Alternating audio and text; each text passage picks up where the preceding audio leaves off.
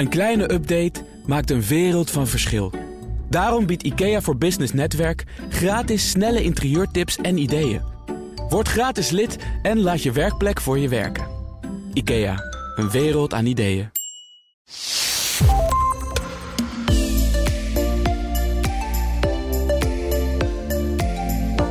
Op zondag 15 augustus 1971 kondigt president Richard Nixon de belangrijkste economische gebeurtenis aan sinds de uitvinding van het geld. Daardoor zal onze economie en onze maatschappij voorgoed veranderen, namelijk de loskoppeling van de goudstandaard.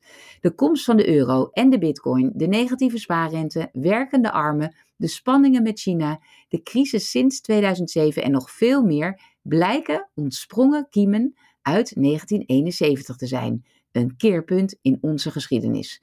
Edin Mujagic schreef het boek Keerpunt 1971.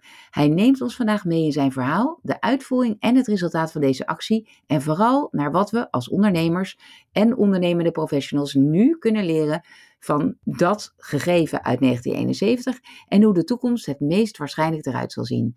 Mijn naam is Wendy van Ierschot. Je luistert naar de Werkprofessor podcast. Welkom Edin, leuk dat je er bent.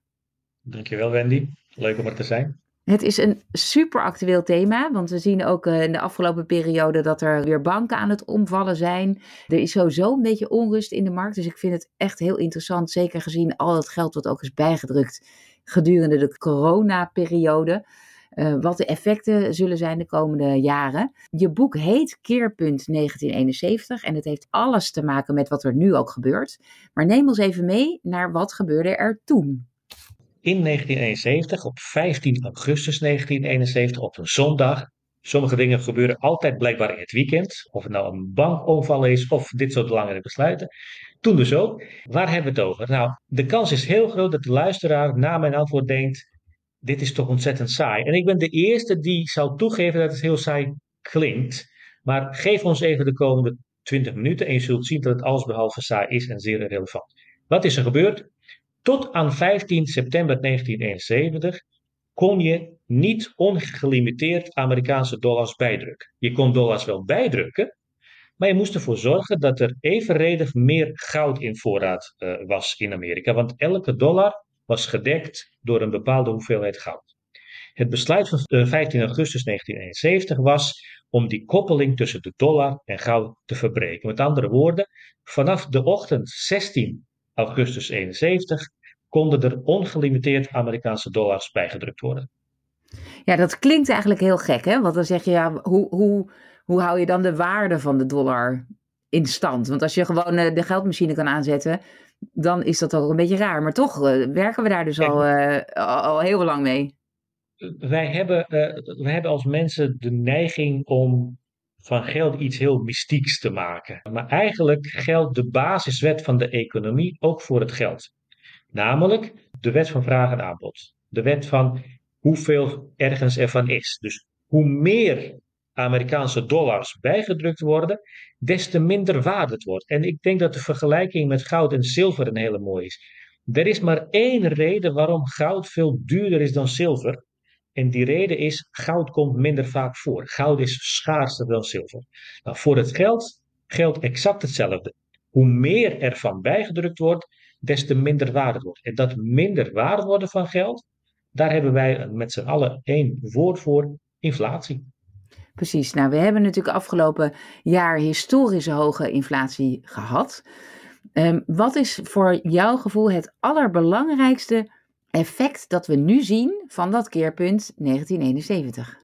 Zoals zoveel dingen uh, in het leven uh, geldt ook voor deze maatregel dat als die eenmaal genomen is, dat je dan eerst een lange tijd, uh, als het ware, het zoete van die maatregel meekrijgt. Dus als er op grote schaal geld bijgedrukt wordt, dan kunnen we als overheid kunnen we veel meer dingen doen. Uh, er kan veel meer geïnvesteerd worden. De bedrijven hebben meer geld, want dat geld vloeit uiteindelijk naar jou en naar mij en we geven het uit. Uh, dus dat is het zoete deel. Het jaagt economische groei aan, zou je kunnen zeggen, en zorgt voor het gevoel van, nou, het gaat toch geweldig. Het probleem is alleen dat na dat zoete deel komt er altijd onvermijdelijk het zure. Want alles heeft een prijs. Elke maatregel die je als beleidsmaker neemt, heeft een prijs. En de prijs in dit geval is dat er sinds 1971 hebben we eigenlijk aanhoudende prijsstijgingen meegemaakt. Dus elk jaar was er sprake van inflatie in het Westen. Was dat daarvoor minder? Ja, dat was daarvoor minder. En de enige onbekende was hoe hoog zou die inflatie zijn. Hm. Luisteraar die hier die dit een beetje gevolgd heeft, die zal nu denken: wacht eens even, de inflatie daalt sinds de jaren 80. Dus één eh, een grote daling van inflatie. Dat is waar, maar daling van inflatie wil niet zeggen dat producten goedkoper worden. Daling van inflatie wil nog steeds zeggen dat de prijzen elk jaar stijgen. En dat aan zich, dat aan zich vind ik zeer onnatuurlijk, uh, gegeven wat we afgelopen vijf jaar hebben, hebben meegemaakt. Want een aantal grote dingen, we hebben een enorme technologische vooruitgang meegemaakt. Ja. Het effect daarvan voor ons allemaal, voor bedrijven, is eigenlijk heel simpel. Alles wat wij konden maken en alles wat we daarna gingen maken aan nieuwe producten, konden we veel eh, efficiënter doen, lees goedkoper doen. Daarbovenop kwam nog het effect, uh, sinds het einde van de jaren 70, dat de globalisering heel goed van de grond kwam. In december, sorry, aan het eind van 78 besloot China om weer mee te doen met de wereldeconomie. Dus je had sinds begin jaren 70 had je twee krachtige effecten, namelijk technologische vooruitgang en globalisering die rap begon de wereld te veroveren als het ware. En die beide als zich en zeker als geheel zouden tot gevolg hebben moeten hebben, uh, hebben dat de prijzen omlaag zouden gaan. Want als jij als bedrijf iets, ineens iets veel efficiënter kunt maken, dan ben je in staat om je prijs te verlagen, je loon iets te verhogen en nog steeds meer winst te maken. Dus wat we sinds jaren 70 in de wereld hadden moeten zien, was eigenlijk lange periode van deflatie. Dus tegenovergestelde van inflatie. Dat de prijzen elk jaar zakken. En dat is niet gebeurd. En waarom is het niet gebeurd? En dan kom ik terug op dat besluit van 15 augustus 71.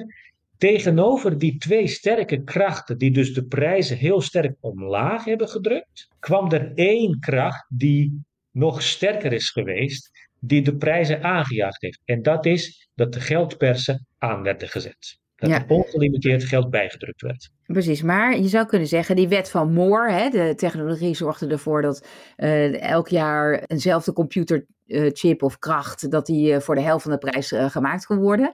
Dus in die zin heeft technologie er wel voor gezorgd dat dat goedkoper werd, maar toch en, en, en, nu hebben we allemaal een computer, dan hadden we eerst niet. Dus dat is een beetje tegenstrijdig met wat jij nu zegt.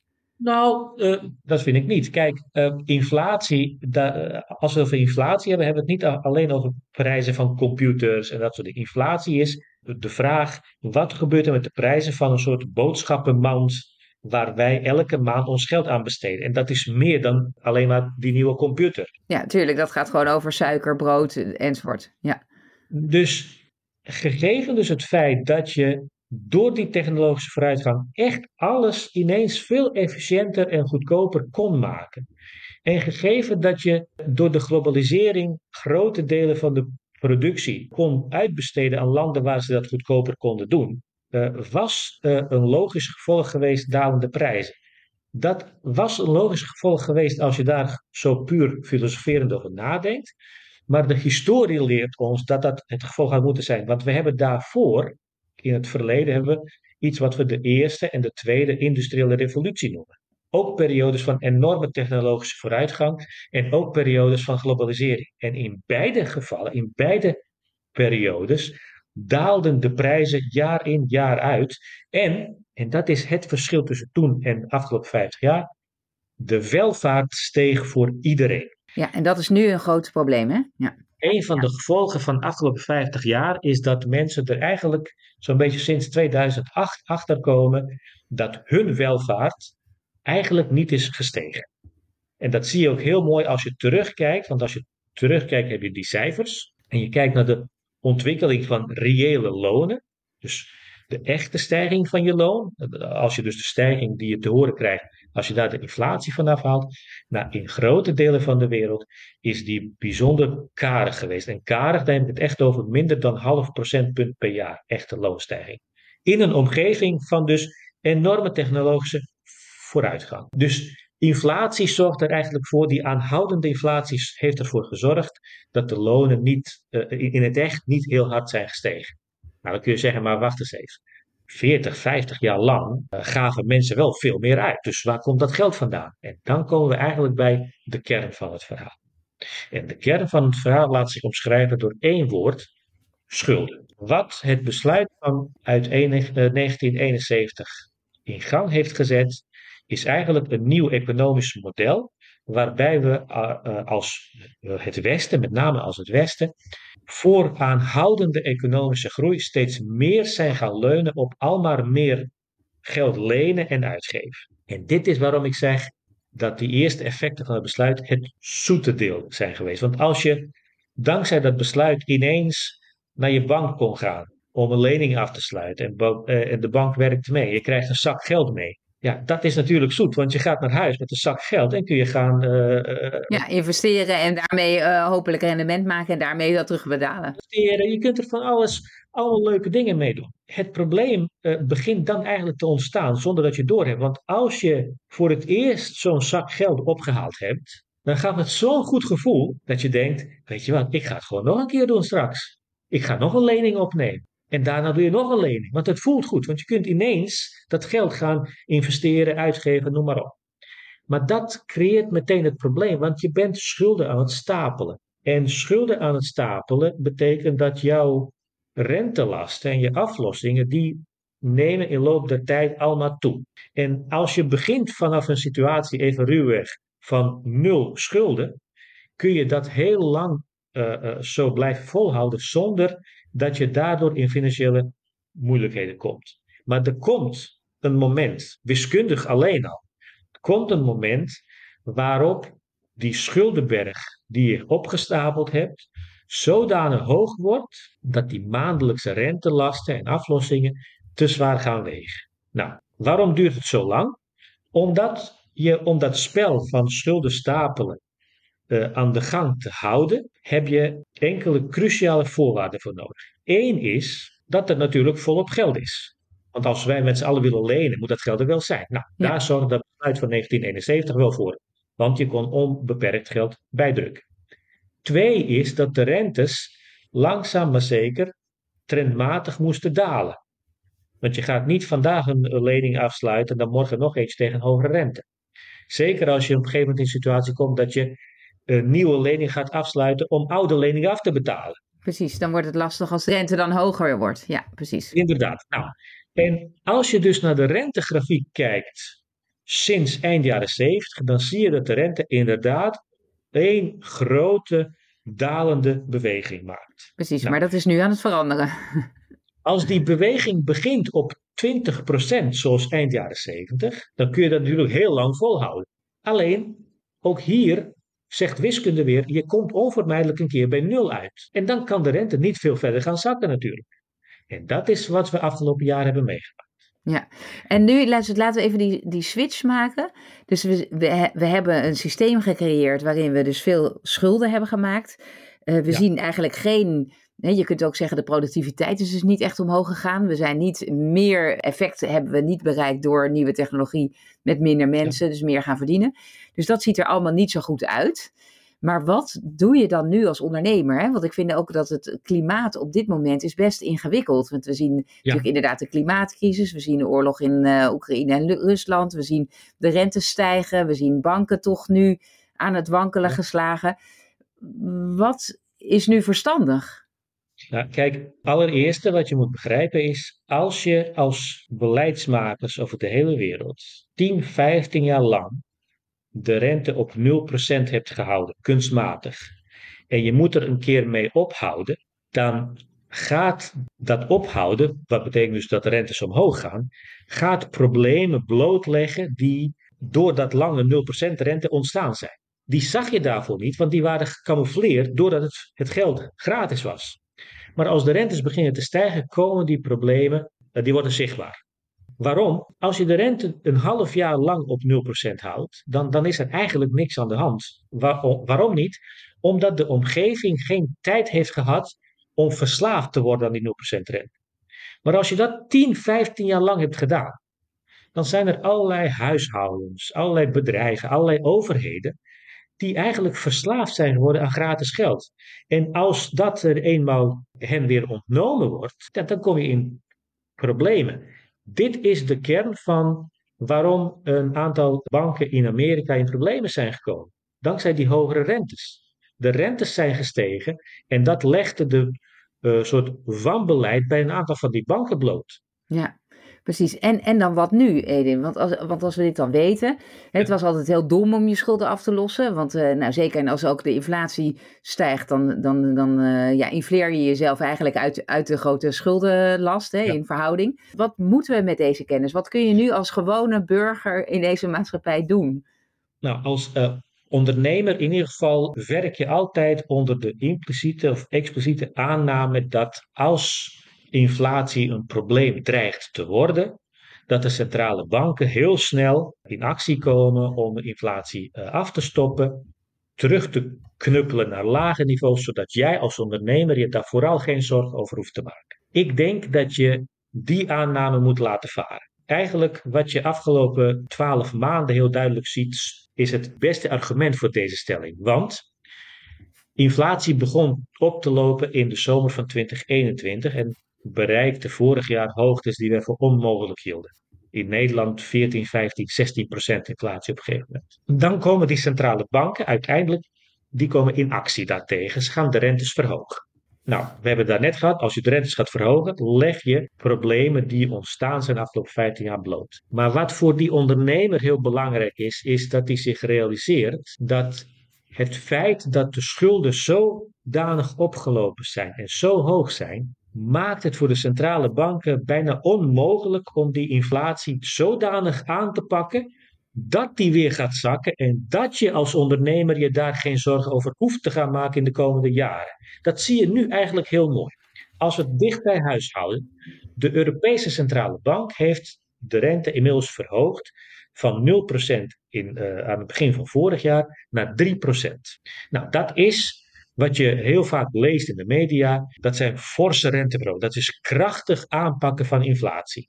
Hetzelfde wordt gezegd over wat de Amerikaanse centrale bank heeft gedaan. Die heeft de rente van 0% naar 5% gebracht. Wij weten, en dit zijn cijfers die zo'n centrale bank bijhoudt. We weten, er zijn een aantal stelregels die je, die je helpen om uh, na te gaan wat voor rente van centrale banken je nodig hebt om te kunnen spreken van echt een, een, een daadkrachtig aanpakken van inflatie. En bij, bij zulke renteniveaus heb je als ondernemer ook reden om rustig te slapen. Nou, in Europa zeggen die stelregels, zou de rente die de Europese Centrale Bank vaststelt minimaal een 5 voor de komma moeten hebben. En in Amerika minimaal een 6 voor de komma moeten hebben en waarschijnlijk een 7. Met andere woorden, hoe imposant die renteverhogingen van beide centrale banken afgelopen 12 maanden ook zijn, het is nog steeds niet voldoende om te zeggen dat je de oorlog tegen inflatie aan het winnen bent. Nee, omdat er zoveel extra geld de markt in is gekomen. Inderdaad. En beide centrale banken hebben in de maand maart de rentes verhoogd. ECB naar, de, naar die 3% en de Amerikaanse Fed naar 5%. En beide hebben in de persconferenties die volgen op de vergaderingen duidelijk aangegeven: de kans dat er hierna niks meer komt is heel groot.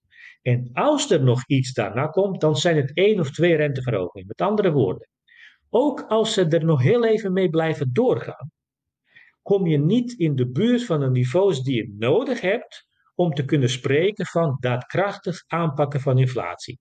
En als we dit nou omdraaien, dan is de les voor ondernemers bereid je voor op een wereld waarin de inflatie aanmerkelijk hoger zal zijn dan wat we met z'n allen in de afgelopen 20, 30 jaar zijn gewend. Let op, het is een hele belangrijke let op hier.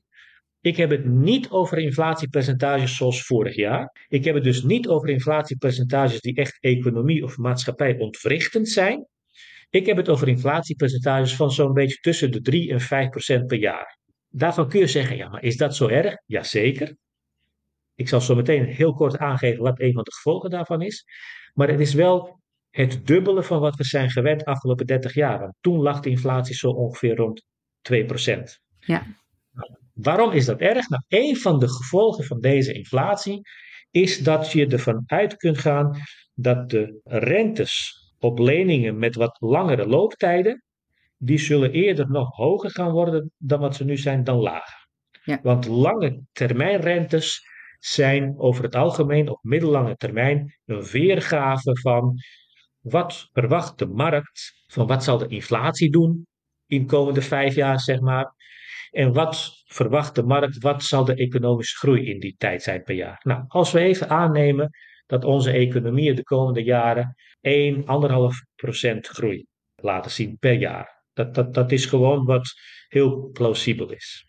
En als we daarbij 3, 4 procent inflatie doen, dan zijn de huidige rentestanden, lange termijnrentes, hoewel die in de afgelopen 12 maanden ontzettend zijn opgelopen, zijn nog steeds aan de lage kant eigenlijk. Dus als ondernemer, heel concreet voor ondernemer, hou er rekening mee dat je financieringskosten de komende jaren eerder hoger zullen uitpakken dan lager. Dat is één van de gevolgen. Hey. We moeten, Edin, ik, want we hebben nog maximaal vijf minuten. Dus we moeten even in de tijd van hoe we het bespreken een beetje tempo maken.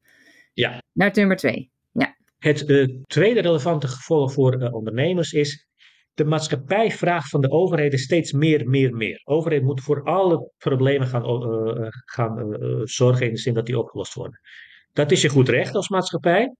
Maar de overheid heeft daar geld voor nodig. Geld was nooit een probleem afgelopen 50 jaar, want je kon gewoon naar hartelust lenen. Alleen dat probleem is nu in zoveel landen zo groot dat dat niet meer kan. Dus voor de ondernemer, houd er rekening mee dat de belastingen en heffingen die je zult moeten gaan betalen, dat die eerder omhoog zullen gaan dan omlaag. Simpelweg, de overheid heeft meer geld nodig. En vroeger kon die dat regelen via meer lenen. Die weg is voor heel veel landen geblokkeerd. Wat kun je er zelf voor doen om jouw bedrijf in deze omgeving uh, meer weerbaar te maken? Nou, je kunt natuurlijk helemaal niks doen aan de rentestanden. Je kunt helemaal niks doen aan wat de overheid gaat doen. Je kunt helemaal niks doen aan wat de inflatie gaat doen. Maar ik vind altijd zelf het voorbeeld van het Romeinse Rijk een heel mooi voorbeeld. Het Romeinse Rijk was natuurlijk het machtigste rijk ooit die we mensen hebben gekend, zeker in ons uh, werelddeel. En is uiteindelijk gevallen omdat barbaren zich aan de poort hadden gemeld. Als je de geschiedenis van het Romeinse Rijk bestudeert, zul je zien dat die barbaren zich keer op keer hebben gemeld aan de grens van het Romeinse Rijk. En keer op keer was het mislukt. De laatste keer ging het goed fout. En waarom? Omdat de Romeinse soldaten eigenlijk het opgaven om het Romeinse Rijk te verdedigen. En waarom gaven ze het op? Omdat zij nog steeds nominaal hetzelfde uitbetaald kregen, maar de inflatie in het Romeinse Rijk is enorm geweest. Dus inflatie ondermijnde als het ware het Romeinse Rijk. Uh, waarom? Omdat de schulden te hoog daar waren. Nou, een les voor een bedrijf is: je kunt niks aan die omgeving doen, maar een van de dingen die ik als ondernemer heel scherp in de gaten zou houden de komende jaren, is de verhouding tussen het vreemd vermogen in mijn bedrijf en eigen vermogen in mijn bedrijf. Want in de regel, hoe meer vreemd vermogen je hebt, des te kwetsbaarder je bent van wat de rentes om je heen doen. En die rentes gaan dus hand in hand met de inflatie. En we hebben net gezegd, de kans dat de inflatie hoger uitpakt in, in de komende jaren dan in het verleden, is heel groot. Dus hou de verhouding tussen eigen vermogen en vreemd vermogen uh, scherp in de gaten. Uh, want dat maakt je bedrijf veerbaarder in die omgeving die we zeer waarschijnlijk met z'n allen mee gaan maken. Oké, Eden, ik hang aan je lippen met alle kennis die je hebt. Uh, je boek Keerpunt 1971 over, hè, met als ondertitel over staatsschuld, werkende armen en nieuwe economische groei. Heel interessant, een uh, nummer 1 bestseller ook. Uh, in boeken over economie is echt aan te raden voor iedereen om er ook meer inzichten over te krijgen. Wij gaan als ondernemers goed kijken naar de verhouding tussen vreemd vermogen en eigen vermogen. Zeker omdat we dus die, die factoren zelf niet in de hand hebben. En omdat we toch moeten rekenen op hogere rentes en veel meer inflatie. En mag ik er nog één les erachteraan toevoegen, heel snel? Zeker. Ik weet dat die wereld van centrale banken en dat allemaal volgen, dat het een hele saaie wereld is. Maar realiseer je als ondernemer wel, die instellingen nemen beslissingen die tot in de kern jouw bedrijf raken. Dus je hebt eigenlijk geen luxe om je niet te informeren over hoe werkt een centrale bank en wat voor besluiten neemt die bank en waarom neemt ze besluiten die ze neemt. Want nogmaals, het is een beetje ver weg van ons bedshow. Het is ook saai, maar alles wat ze daar besluiten raakt de kern van je bedrijf. Ongeacht in welke sector je je bedrijf hebt. Ja. ja, ik vind het zelf inmiddels niet meer saai, want als je dat een beetje begint te begrijpen, dan wordt het ook heel erg leuk. Dus dat is ook een aanrader om deze podcast natuurlijk te luisteren en om ook uh, je er meer in te verdiepen. Mensen kunnen zich natuurlijk ook abonneren op jouw nieuwsbrief, want dan hou je volgens mij ook een beetje de actualiteit bij.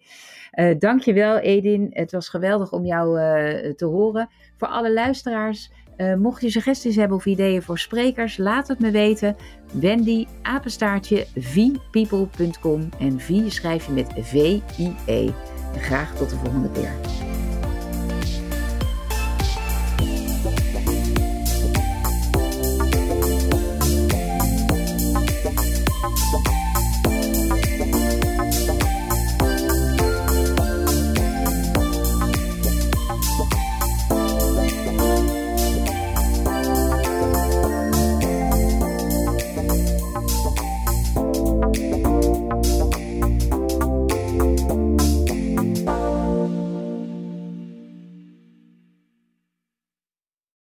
Een kleine update maakt een wereld van verschil. Daarom biedt IKEA voor Business Netwerk gratis snelle interieurtips en ideeën. Word gratis lid en laat je werkplek voor je werken. IKEA, een wereld aan ideeën.